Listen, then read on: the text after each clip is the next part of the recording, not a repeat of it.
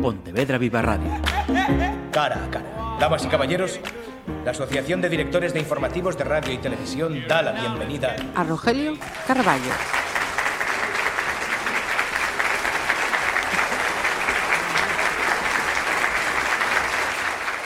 Saludos. A punto de terminar agosto está ya la, vuelta al cole, un curso con, novedades, más caro para las eh, familias y con incertidumbres. De todo eso vamos a hablar con Rogelio Carballo, presidente de la FAMPA de Pontevedra. Bienvenido. Muchas gracias. Y, gracias una vez más por responder a, a la invitación de Pontevedra Viva Radio. 8 de septiembre, vuelta al cole y aquí una de las novedades, vuelta para todos. Mm. ¿Qué tal lo veis desde la FAMPA? ¿Es un alivio? ¿No lo va a ser tanto como...? Yo creo que los padres o las familias que tienen niños que empiezan en primero de, la ESO y que además son menores de edad, bueno, son menores de 12 años, pues para ellos era un alivio saber que por lo menos eh, la conciliación está un poco más organizada. Eh, no deja de ser un sentimiento agridulce, porque para mm, los escasos beneficios que tiene, lo que no deja de ser la constatación de que hemos perdido una oportunidad para que los alumnos superen las expectativas, las exigencias y alcancen las competencias y los conocimientos en el curso escolar, que es la convocatoria de septiembre. ¿no? Ha desaparecido y la vida es más fácil para todo el mundo menos para el alumno. La vida es más fácil para el profesorado, que puede organizar su vida con tres meses de antelación la vía es más fácil para la administración, que puede contratar el personal y dejarlo contratado en, julio, cuando antes lo tenía que hacer en septiembre. Y la vida es más difícil para el estudiante. Empezamos bien, ¿eh? me preguntas, tú me preguntas y yo respondo. Y yo, y yo estoy encantada además de que siempre hables con sinceridad y es lo que siempre te voy a seguir pidiendo. Mira, antes del regreso hay que preparar a los alumnos. No voy a dar cifras eh, porque mirando he visto unas diferencias abismales. En lo que sí estamos de acuerdo es que posiblemente vaya a ser el curso escolar más caro que recordemos de los últimos años. El problema no es que sea el curso escolar más caro, que lo va a ser, porque eh, las subidas están entre el 10, el 12 o el 15%, dependiendo de lo que hables, ¿no? sea el material escolar, libros de texto, nuestro comedor, que es donde yo te puedo dar cifras, está en el 10,7% más caro este año, porque le, afligen cuatro cuestiones, que bueno, realmente son tres, pero la tercera hay una derivada, que, que son las, más, las que más han sufrido la repercusión de precios. La primera es la subida permanente del, salario mínimo interprofesional, algo en lo que estamos todos de acuerdo que tiene que suceder, pero eso va arrastrando todos los convenios. Y cuando nosotros entramos en FAMPA, un monitor valía 800 euros y hoy, evidentemente, ese monitor eh, estaría por debajo del salario mínimo interprofesional. Entonces, desde los 570 euros que estaba el salario mínimo cuando nosotros entramos hasta los 950 euros, hay una subida del casi el 30 y muchos por ciento, ¿no? casi el 40 por ciento. Estamos todos de acuerdo en que hay que hacerlo, pero hay que pagarlo no sale gratis. ¿no? Lo pagamos nosotros con nuestros servicios y, y eso la empresa, las empresas lo tienen que repercutir, en lo que cobran.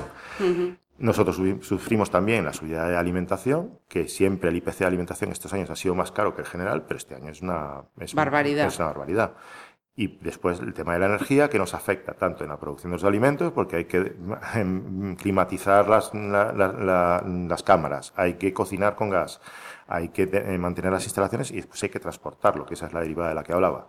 Hay que mm, traer la comida y repartirla por los centros. Con lo cual, pues estamos hablando de una subida del 10,7% para tratar de mantener la misma calidad que teníamos hasta ahora. Eh, pero el problema no es ese. El problema está en que es una acumulación general de subidas en todos los ámbitos, porque si nos sube el comedor, bueno, pues mal bien nos sube el comedor y ya está, pero es que te ha subido la energía en casa, te ha subido el transporte, te ha subido la comida que comes todos los días, te ha subido todo y, todos y cada uno de los servicios que utilizas, eh, te ha subido la ropa, te ha subido absolutamente todo. Entonces, no es un problema solamente de que lo que vayamos a comprar este año para el curso escolar sea caro, es que todo. Toda la mochila que llevamos ya encima. Y es una acumulación que para muchas familias va a ser insoportable. Eh, Hace poco tenía una, una digamos, una, no una discusión, pero sí una, conversación una intensa. conversación intensa a cuenta de los alumnos becados de asuntos sociales que van, que, que, van a, cuenta del convenio que, a cuenta del convenio que tenemos con el Consejo. El, el, convenio no ha modificado su precio y yo tengo obligación de darle 45 alumnos eh, cobertura asuntos, de, de asuntos sociales. ¿no? Pero si yo le aplico el 10% de subida a mis comedores, realmente no, no podría darle 45 porque mi, mi, cantidad es inamovible. Yo tendría que darle 41, yo tendría que quitar cuatro alumnos de asuntos sociales. ¿no? Con esto quiero decir que las administraciones públicas todavía no se han planteado de que... Mm, hay esa realidad. Hay esa realidad y hay, va a haber que cubrirla de alguna forma. Eh, y los convenios en los que tenemos, en los que evidentemente, mm, pues nosotros de los 100 euros que va a costar el comedor este año, le vamos a quitar casi 10 de subvención a los padres, eh, eso evidentemente empieza a ser insuficiente. Hace, hace años cuando firmamos el convenio, mm, pues me parecía nadie podía prever que iba a llegar esta situación, ¿no? Pero ahora mismo, evidentemente, no solo con esto, hablo con todo tipo de otras intervenciones de los poderes públicos que deberían estar ya, mm, digamos, atendiendo a estas demandas. Hay algunas otras, como por ejemplo los libros de texto, que yo creo que ahí ya no tendríamos que haber llegado nunca. ¿no? Que el libro de texto en el siglo XXI siga siendo el vehículo principal para organizar el curso escolar y la transmisión de conocimientos entre alumno y profesor, eh, nos deja a todos en mal lugar. O sea que, una vez más, eh, las administraciones van por detrás de lo que la realidad está demandando sí, y en, esta, y en esta situación hay, que decir que además no va a ser por falta de recursos, porque las administraciones están teniendo una sobrerecaudación que no habían visto en su vida, porque claro, como nuestros impuestos van sobre porcentajes y no sobre valores absolutos, cuando aumenta el, valor base al que le aplicas el porcentaje, aumenta su recaudación. Esto que parece que es un anatema decirlo, es una, es una realidad matemática. Es tan cierto como, como, que hay fuerza de la gravedad en el mundo. Y, volvemos a la pescadilla que se muerde la cola porque sigue siendo un, un círculo.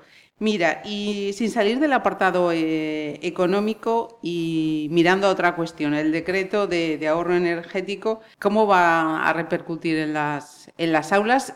Eh, en este sitio en el que estamos, porque no va a ser los mismos que en Almería o en Cuenca. Pues aquí, desde luego, nos va a afectar en términos de calefacción, aunque realmente no nos va a afectar, porque el decreto de medidas COVID para este curso, en principio, prevé seguir manteniendo las medidas COVID del curso pasado.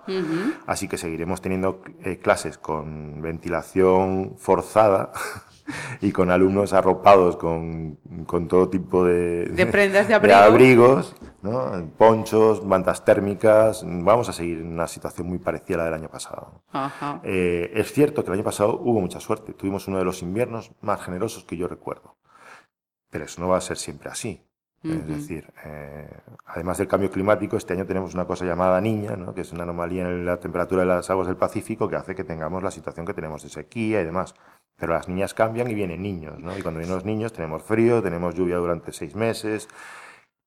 Al final todo esto se resume en que tenemos centros educativos completamente desactualizados que no cumplen ni la más mínima medida actual sobre climatización y calidad ambiental. O sea que es un tema de infraestructuras también. Más y hay que, reconocer la dificultad que supone adaptar miles de centros en Galicia, donde tenemos el cincuenta y tantos por ciento de los núcleos de población de España, eh, a, cumplir esos, eh, digamos, esos requerimientos ambientales que hoy en día serían obligatorios para cualquier otro espacio público o privado.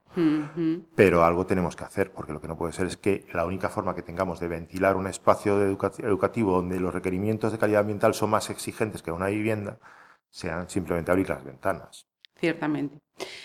Eh, y hablando de centros educativos, otra, otra cuestión, eh, antes de ir a, novedades académicas, este curso y en la provincia de Pontevedra, en vuestro ámbito, ¿hay cierre de centros por el tema de ratio de, alumnos? Sí, es que va a ser inevitable. Eh, me encantaría decir que no va a pasar, pero mm, estamos en una caída demográfica de dimensiones desconocidas y solamente es el inicio del primer, digamos, del primer tramo de la escalera. O sea, mm, el otro día mm, se me pidió un artículo de opinión y fui a consultar las estadísticas del, INE en cuanto a pirámide de población. Y los datos eran abrumadores. ¿no? Entre 40 y 45 años en España, es una franja de 5 años, hay 3.900.000 personas. Entre 0 y 5 años hay 1.800.000.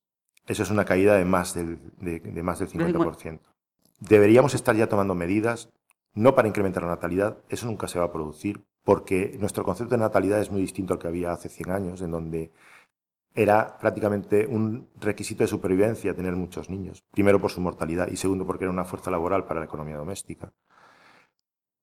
Pero tenemos que empezar a prever el decrecimiento que vamos a tener, Vamos a tener un decrecimiento como sociedad, en el sentido en el que eh, la mitad de la fuerza laboral que tenemos ahora va a tener que producir y sostener este estado de bienestar. Eh, y eso me hace reflexionar que si le vamos a pedir ese milagro económico a, los, a nuestras nuevas generaciones, ¿qué derecho tenemos a recortarle el más mínimo recurso para que ellos alcancen ese nivel de productividad? Es una forma muy egoísta de verlo, porque yo quiero que mis hijos me paguen la pensión, pero no es, pero es una forma, es la mejor forma que tengo de ejemplificarlo. ¿Cómo vamos a pedirle a, la mitad de la población laboral que tenemos ahora, al equivalente de, la de la mitad de la población, que nos mantenga los mismos, las mismas carreteras, las mismas infraestructuras, los mismos servicios sociales? ¿Cómo lo vamos a hacer? O sea, solo hay dos caminos. O recortamos todos esos beneficios que tenemos ahora porque no se va a alcanzar su sostenimiento, o les empezamos a proporcionar a nuestros hijos todos los recursos para que puedan conseguirlo. Porque, bueno, de hecho, yo conozco casos de, chavales de menos de 30 años que están ganando 100.000 euros al año. Sí, sí. O sea que no es, no es imposible. Lo único que hay que hacer es no darnos el lujo de desperdiciar media población joven, como pasó en nuestra, en nuestra generación, en donde nos dábamos el lujo de, llamar a, de, llamarle algunas, algunas franjas de edad generación perdida. Y eso significa que evidentemente no vamos a tirar con los recursos públicos, sino vamos a tener colegios con tres niños abiertos, eh, pero sí que podemos eh, empezar a planificar que es mejor una educación con ratios menores, ¿vale? donde haya un mayor nivel de exigencia al sistema educativo para que se alcance la calidad y la transmisión de conocimientos y, y el alcanzar las competencias y no nos estemos haciendo trampas al solitario, tanto profesores como familias, y perjudicando simplemente a un futuro que está a 20 años vista, que, decir que tampoco está tan lejos. Sí, o incluso, o incluso menos.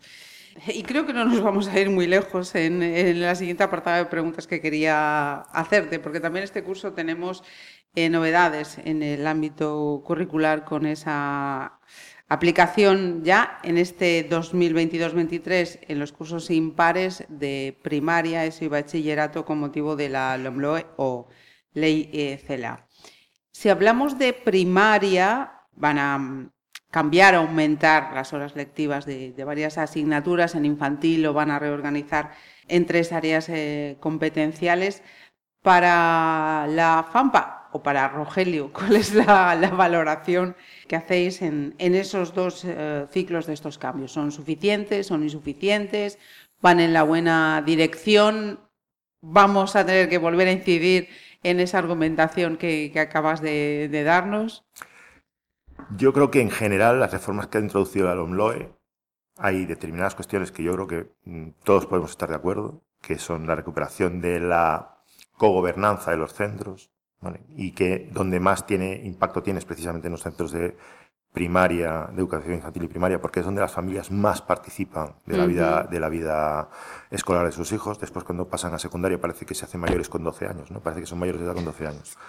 Pero, eh, y es una crítica a las familias, sí, sí.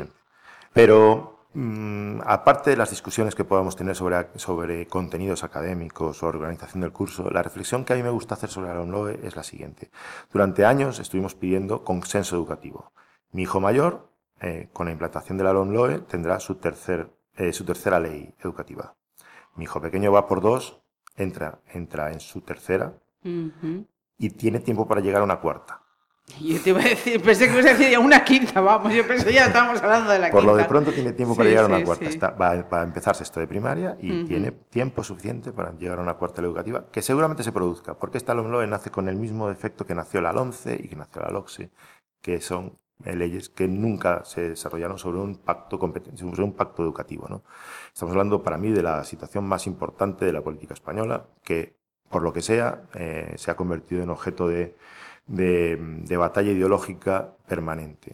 Mm. Yo creo que todos tenemos que empezar a hacer un poco eh, respecto, de, respecto de determinadas posiciones eh, y llegar a un consenso que nos permita tener una mínima estabilidad. Porque las leyes son incapaces de modificar eh, la realidad competencial o la realidad de un servicio público tan complejo como la educación per se. Mm. Y mucho menos cuando solo tienen cuatro años de, vida útil, ¿no? O cinco años de vida útil. Eh, hay leyes magníficas que se quedan en nada porque son imposibles de implementar y hay leyes eh, horrorosas cuya que a través del sorteo, del, del rodeo de determinadas aristas y determinadas cuestiones se pueden, pueden dar resultados magníficos.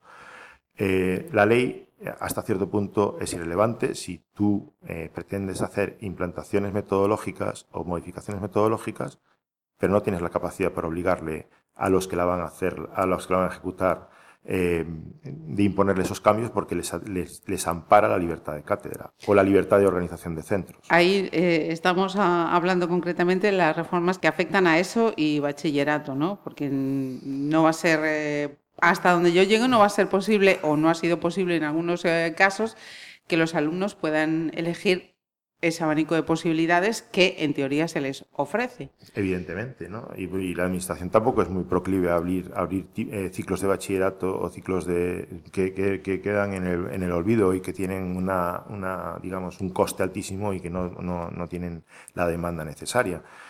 Y después está la situación de que ese, ese tipo de, abanico, ¿no? Ahora se abren cinco bachilleratos. por lo que sea, eh, mi, mi, trayectoria profesional y mis conocimientos han ido muy, muy siempre muy tirando de, mirar qué es lo que va a pasar en el futuro y, me gusta la tecnología y veo, por, estoy todo el tiempo eh, recibiendo noticias de por dónde va, dónde, por, dónde va a ir el mundo. ¿no? Y ves, ves eh, en todo momento automatizaciones y, e implantaciones de algoritmos e inteligencia artificial que pensabas, en ámbitos en los que pensabas en no, no se iban a producir nunca. Por ejemplo, la creación de imágenes con simplemente hacer una descripción a una inteligencia artificial ¿no? y que te mm. devuelva una pintura en el estilo que tú le digas, con el tema que tú le digas. Quiero decir que vamos hacia un mundo en donde nuestros hijos no van a tener una profesión fija como hemos tenido nosotros, sino que probablemente hoy estén haciendo una cosa y esa cosa se automatice y mañana tengan que saltar a hacer otra distinta y tendrán que buscar los recovecos en donde el, digamos, la inteligencia humana eh, tenga valor. Y eso no va a exigir una actualización permanente y un conocimiento mucho más heurístico del mundo de que, y no la hiperespecialización de la que venimos. ¿no? ¿Tiene algún sentido que en ese contexto nosotros enfoquemos la educación de nuestros hijos desde el principio y desde restando la capacidad y la competencia para ser, mantenerse, digamos, despierto y atento y apetente a todo tipo de conocimiento y los encaminemos en, una hiperespecialización que se está demostrando ahora mismo completamente improcedente o, contraproducente? Pues yo no lo sé. Desde luego veo que ya empieza a haber escasez de profesionales en todos los ámbitos y hoy en día a lo mejor estás ejerciendo como arquitecto y mañana saltas a programador. Y eso ya está pasando ahora. Sí. Eh, como quien dice que saltes mañana a ilustrador, ¿no? Eh, y son disciplinas completamente distintas, con competencias completamente distintas, con, pero sin embargo, eso que va a pasar, yo creo que el plantearse un sistema educativo con esa hiperespecialización de salida, lo único que va a conducir es a, aportar dificultades añadidas a que alguien pueda hacer esos cambios en su vida profesional. Con eso que estabas diciendo, fíjate, Rogelio, estaba pensando varias cosas, que em, esta, bueno, las tenía claras, pero las he anotado para que no se me olviden que eh, sigue sin, esa reforma, creo, ¿eh? ¿eh? sigue sin incidir tú hablabas de que esté atento, que el alumno esté atento, esté apetente, y decía yo, que les motive, porque veo que falta tanta motivación. A medida que van subiendo en, grado, en, ciclos, les falta esa motivación eh, que, esta ley a priori, es mi impresión, tampoco, tampoco ayuda. Nadie, nadie entiende. Eh, a mí me, encantaba un personaje declarado, nombrado Sir por, por, el, por la realeza británica, llamado Ken Robinson, un pedagogo, murió hace mm, nada, hace un par de años, lamentablemente que decía que cómo es posible que nuestros, o sea, que los niños, que en general en sí mismos son máquinas de aprender, eh, tengan tan poca, tan poca apetencia por ir a la escuela y por, por, mantenerse en el sistema educativo. Es evidente que no todo lo que pase en la escuela te va a gustar, pero de ahí a tener el nivel de rechazo que tiene ahora mismo, pues parece un poco sorprendente, ¿no? Eh, en general hemos sido muy poco exigentes con el sistema educativo, ¿no? O sea, como era algo que nos venía gratis y dado, mm, no hemos sido lo exigentes que hemos sido, por ejemplo, con el sistema sanitario. Lo digo como ciudadano, que, vas a un servicio público y pretendes tener la mejor atención posible porque se ha pagado con tus impuestos. ¿no? Eh, nadie que hoy tenga algo grave a pesar de todos los problemas que tiene la, seguridad social y el sistema público de salud, a pesar de todas las situaciones en las que se queda corto, y a pesar de que tengas un seguro médico privado, nadie que tenga algo importante se va a la medicina privada, se va a la, medicina pública, porque ahí está la calidad.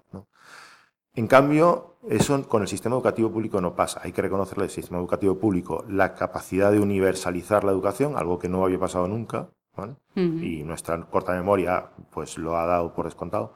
Pero nunca hemos sido lo exigentes que hay que ser para que entender que el fracaso escolar que se produce sea una cuestión eh, digamos, de fracaso personal a la hora de, a la hora de ejercer tu profesión. ¿no? Eh, es como si me dices que yo puedo darme el lujo de que se me caigan casas, ¿no? O sea, no, a mí no se me puede caer ninguna. Eh, y yo lo siento mucho, pero entiendo que la, eh, que la profesión educativa es, diferente porque maneja materia humana, porque hay ámbitos familiares diversos y, difíciles, porque además tiene una componente de administración pública que también está ahí superpuesta y que hace que te desvíes de, de lo que es lo fundamental pero tampoco ha habido ese nivel de autoexigencia. Y lo has visto cuando al, profesorado se le ha quitado los exámenes de septiembre, es decir, se le ha quitado una herramienta para conseguir que su alumnado supere la etapa y nadie ha dicho ni una palabra. Al contrario, solo escuchaste o solo salieron a la luz pública argumentos en defensa de eso. ¿Tú te imaginas que a los médicos les quitan las resonancias magnéticas porque son muy caras, ¿qué harían? O sea, es que queman. Hay una, sí, una revuelta. Y eh, quiero decir que el nivel de autoexigencia del sistema educativo público ha sido muy bajo, muy bajo, tanto por parte del profesorado como por parte de los que lo, financiamos y somos sus, digamos, sus accionistas. ¿no? Yo nunca considero que alguien sea cliente de un servicio público. Es un accionista que pone dinero y cuyo, digamos, retorno se, se, se hace no en forma de beneficio económico, sino en forma de una, digamos, una prestación. Y esas críticas, eh, entonces, que porque fue muy, muy controvertida en, su momento de, aprobación, que decían que esta ley también va a redundar, iba a decir un, adjetivo que tampoco es el, más adecuado. Deja de ser tan exigente al permitir pues, que a criterio de los eh, docentes eh, los chavales puedan pasar con una o dos asignaturas suspensas, ir a selectivo que eso iba a redundar, pues eso, en, una menor preparación de los eh, chavales. No sé cómo, cuál es tu criterio o vuestra opinión al respecto. Eh, yo creo que mm, en algún momento alguien eh, se entendió mal el mensaje, ¿no?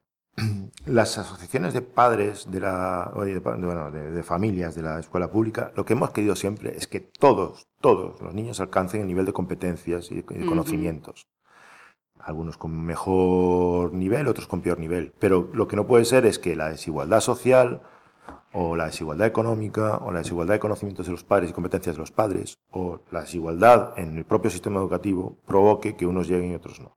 Pero claro, la idea es que tengan esas competencias. No que haya un papel que diga que las tienen, que eso es una cosa completamente distinta. Y pues no sé, algo ha pasado por el medio del camino en el que mm, pues... Se ha tergiversado sí, el el mensaje se ha perdido. Alguien nos ha entendido mal. Alguien nos ha entendido mal. También es cierto que hay que decir que llevamos durante, no sé, yo desde que empecé a estudiar se hablaba de la, evaluación continua, ¿no? Ya yo tengo mis 50 añitos. Y, y eso jamás ha existido. Y en el fondo, Quiero decir que eh, hablamos de, evaluación continua, pero eso no es verdad. O sea, la evaluación continua al final tiene evaluaciones y tiene evaluaciones parciales. Y si no, si no pruebas la evaluación, pues el resto pues ya estas son las mismas que hace 50 años. Exactamente. Y, y, la, LOMLO en el, no deja de, digamos, poner negro sobre blanco algo que estaba antes en todas las normas educativas, pero parece que ahora lo que quiere exigir, ¿no? Que tú antes de suspender a un alumno tienes que demostrar que has... Que ese alumno tiene las no, y que has hecho todos los trabajos o, todas las, o has cumplido todas las obligaciones en materia de refuerzo académico, de seguimiento personalizado. La ley dice que tienes que adaptar los contenidos a la realidad, eh, digamos, intelectual del alumno, ¿no? a, su, a, su realidad, a su entorno económico, social y personal. Eh, ¿Cuántas veces has visto eso justificable o justificado en una, en una actuación docente? Pues ningún, prácticamente ninguna. ¿no? ¿Qué pasa? Que bueno, yo creo que la LOMLO en ese sentido es una ley que da un paso que yo creo que hay que valorar positivamente porque pretende que, vale, tú puedes suspender a un alumno, pero primero justifícame todo esto. Y después que no se produzcan situaciones tan ridículas como me contó una vez un profesor, ¿no? Que un alumno que evidentemente estaba eh, orientado a un ciclo de FP de barrendero, eh, no pudo entrar en él porque a una profesora se le ocurrió suspenderlo en música. ¿no? Eh, hombre, yo creo que todos tenemos que tener cierta perspectiva de qué competencias hay que tener, cuáles son, cuál, que todas las asignaturas son importantes, el currículum es importante. Mm, eh, si tú querías suspenderlo en música, eh, lo cual está muy bien, haber conseguido que llegara a ese nivel de competencias, quiero decir. Eh, o simplemente, oye, si te parece mal que vaya a barrendero, pues que todo el sistema educativo haya conseguido sacar más del alumno, porque es que parece que tiene el alumno la culpa de, encaminarse a un ciclo de FP. al final siempre descargamos sobre los alumnos cuestiones, cuestiones que no tienen... Que no son solo cuestión de... Yo te puedo decir que conozco a una persona que se echó cinco años para sacar una asignatura peritos industriales, de ingeniería industrial técnica, y que cuando de repente dejó aquello y se metió en otra cosa muy distinta, fue el mejor alumno de su promoción. Eh, bueno, se convirtió en piloto comercial, fue el mejor alumno de su promoción, fue instructor, vamos, quiero decir que al final todo esto siempre es una cuestión sí, de Sí, una suma de factores, sí, efectivamente. Claro. Sí, sí, sí, sí. sí. Quería añadir otra cuestión mm, que ha llegado estos eh, días. Procede del sindicato SATSE y que decían, mm, si no es textualmente, trato de, recordarlo lo más fielmente posible. Volvemos a dar un suspenso a la mayoría de las consejerías de educación porque siguen sin atender nuestra demanda de implantar la figura de las enfermeras escolares. Yo creo que la demanda es eh, justa, pero no por parte de SATSE. La demanda es justa por nuestra parte. Nosotros ya lo pedimos y de hecho participamos con, con otras asociaciones, sobre todo las que más interesadas estaban por una cuestión eh, de relación con la enfermedad, como son las asociaciones de familias con niños con diabetes tipo 1, asociaciones con, de, síndrome de Down o de enfermedades raras. O de, quiero decir que íbamos todos para presentar, o fuimos todos a presentar una iniciativa legislativa popular después de recoger el medio millón de firmas que se piden para, para ello en Galicia y que fueran validadas por el propio Parlamento. Eh, iniciativa legislativa que lo único que pedía es que se implantara la figura y no, no le decía a la Administración ni cómo ni cuándo. Y eso fue, tuvo una votación en contra. ¿no? Eh, una votación en contra, fue denegado, pues bueno, no pasa nada, se puede decir porque es información pública, fue denegada con el voto en contra del PP y con el voto a favor del, del, PSOE, del, del, BNG. Eh, y de, de, las mareas, que aquellas todavía estaban. SATSE, evidentemente, aquí tiene un objetivo materialista, que es darle trabajo a sus afiliados. Yo no sé, aquí cuando hablamos de que hacen falta 5.000 médicos y no sé cuántas enfermeras, no sé dónde los vamos a sacar, porque las, las, escuelas de medicina y las escuelas de enfermería tienen los alumnos que tienen, o sea, no tienen más. Con lo cual, yo creo que se habla muy alegremente de, esos, de esas cifras. A nosotros, evidentemente, nos parece eh, completamente necesario que haya una figura de, enfermería escolar. No sé cómo hay que implantarla, no sé cómo hay que financiarla, no tengo ni idea de, qué, de, en qué proporción cada centro tiene que tener un enfermero, pero lo que sí sé es que hay niños que necesitan atención permanente por parte del sistema sanitario. Y después, eh, lo cual ya debería ser una causa para no discutir. Pero es que después deberemos debemos plantearnos qué sentido tiene ahorrar eh, una, determinada eh, cantidad de recursos en salarios, en recursos sanitarios aplicados a la enfermería escolar y después pagarlos a lo mejor en atención sanitaria continuada durante 50 años. ¿Vale? Derivados de causas que han venido por no existir en, los centros públicos los recursos sanitarios para que, para que no hubiese consecuencias a posteriori. Pero esto es muy común con la Administración, quiero decir, eh, la Administración y el sistema político está pensado para cumplir normas a un año y lo que pase de aquí a 20 años le da igual. Por eso nos podemos dar el lujo de no pagarle a un enfermo de hepatitis C la cura, que vale 30 o 40 mil euros, y sí pagarle a su hijo una pensión durante 80 años, ¿no? o, pagar una indemnización por despido, o simplemente impedir a alguien que tiene una enfermedad crónica que le inhabilite para trabajar, eh, recuperarse y volver al sistema productivo y compensar inmediatamente el gasto sanitario que ha tenido. Eh, claro, para la Administración computar esa cuenta es una cuestión que le afecta al ejercicio de este año y en cambio computar el beneficio que proporciona eh, a más largo a largo plazo, pues eso no hay nadie que lo vote primero y no hay nadie que lo compute económicamente después. No sé si va a ser un invierno frío o no, pero que va a ser un curso calentito, seguro, seguro, seguro, seguro. Pues eh, desde luego trabajo no les va a faltar, por lo que veo este año a, la FAMPA. Pues eh, muchísimas gracias una vez más, eh, Rogelio, por, por, atendernos, por hablar con tanto conocimiento de, de causa y, vamos a ver si de verdad nos, nos, planteamos en serio eh, hacer educación y no hacer tanta política, que creo que sobra. Eh, esta es la, yo creo que el servicio público más importante, porque si es que si no hay una buena educación, no va a haber profesionales de ningún tipo, no va a haber eh, conocimiento de ningún tipo.